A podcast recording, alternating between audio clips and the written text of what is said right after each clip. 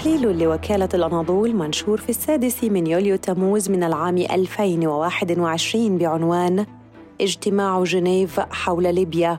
فرصة ضائعة متروكة للنسيان. خيبة أمل كبيرة خلفها فشل ملتقى الحوار السياسي الليبي في الاتفاق على قاعدة دستورية لإجراء الانتخابات في موعدها بعد إصرار أتباع اللواء المتقاعد خليفة حفتر على تفصيل شروط الترشح للرئاسة بما يناسبه. لم يكفي تشكيل أعضاء ملتقى الحوار لثلاث فرق مصغرة ومتتالية للوصول إلى تفاهمات بشأن القاعدة الدستورية غادروا جنيف بعد خمسة أيام من النقاشات. غير أن بعض أعضاء ملتقى الحوار فوجئوا بتشكيل لجنة استشارية خرجت بمقترح جديد قالت إنه توافقي. لكن بالنظر إلى بنوده فإنه فصل على مقاس حفتر. بشكل يسمح له بالترشح للرئاسة دون عوائق قانونية كانت مطروحة في السابق.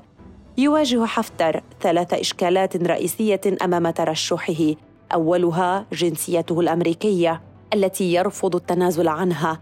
ثانيها بذلته العسكرية التي لا يريد نزعها. حتى لا يخسر السلطة على ميليشياته إن خسر الانتخابات. ثالثها جرائم الحرب ضد الإنسانية التي ارتكبها في حروبه المختلفة وليست مقابر ترهون الجماعية عنا ببعيد. هذا الأمر أثار صدمة لدى أعضاء في ملتقى الحوار. وصل صداه إلى المجلس الأعلى للدولة وللمؤسسة العسكرية في طرابلس وأعيان المنطقة الغربية. تحدثت وسائل إعلام محلية عن رفض عقيل صالح رئيس مجلس النواب لمقترح اللجنة القانونية. هذا يعني أنه حتى ولو توافق ملتقى الحوار على قاعدة دستورية فإنها لن تحصل على موافقة مجلس النواب. تم تمديد الجلسات من أربعة أيام إلى خمسة لإنقاذ الفرصة الأخيرة للاتفاق. لحظات مصيرية وعصيبة مرت على الحاضرين. الكل ينتظر ما ستفرزه اجتماعات لجنة التوافقات التي نجحت في حصر الخلافات في ثلاثة مقترحات رئيسية.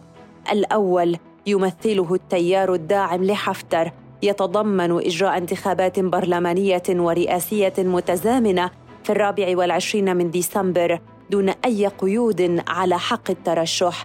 هذا المقترح يتيح حتى لسيف الإسلام القذافي نجل الزعيم الليبي معمر القذافي الترشح للرئاسيات رغم أنه مطلوب في المحكمة الجنائية الدولية لكنه يحظى بدعم روسيا. الثاني يقوده التيار المدني في ملتقى الحوار وهو أكثر واقعية يتمثل في الذهاب إلى انتخابات برلمانية فقط يليها الاستفتاء على مشروع الدستور بعدها تجرى الانتخابات الرئاسية على أساس دستور دائم. وفق هذا المقترح فإن البرلمان الجديد ستوكل له مهمة تعديل مشروع الدستور يصعب حينها على حفتر الترشح للرئاسة إلا إذا فاز أنصاره بأغلبية المقاعد النيابية. الثالث يقوده المجلس الأعلى للدولة برئاسة خالد المشري وحزب العدالة والبناء الإسلامي يتمثل في إجراء الانتخابات الرئاسية والبرلمانية في موعدها على أساس الدستور المعدل بموجب مسودة مشروع الدستور. لم تكن المقترحات الثلاثة هي الأسباب الرئيسية لفشل ملتقى الحوار الليبي. ولكن في آلية التصويت الغريبة التي لا تعتمد التصويت بأغلبية الثلثين وإنما بطرح المقترحات على التصويت.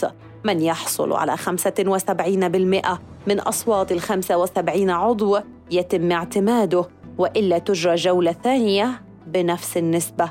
ومن الطبيعي أن يرفض أعضاء ملتقى الحوار هذا المقترح لأنه لا أحد من التيارات الثلاثة يملك تأييد وسبعين بالمئة من الأعضاء الخمسة وسبعين.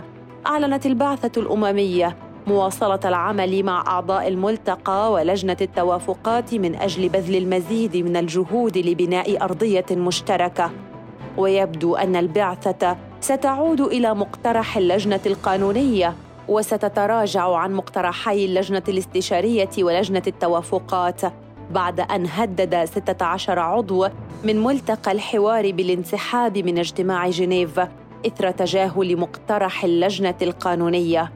ترى البعثة وعدة دول أن إجراء الاستفتاء اولا من شأنه عرقلة إجراء الانتخابات في موعدها بسبب الخلافات العميقة. ستنطلق المرحلة المقبلة من النقطة التي انتهت عندها اللجنة القانونية في مايو الماضي. أما لقاء جنيف فهو فرصة ضائعة متروكة للنسيان لكن في ظل إصرار أتباع حفتر على وضع شروط خاصة به لا تعيق ترشحه للرئاسيات فإن الأزمة الليبية ستظل مكانها.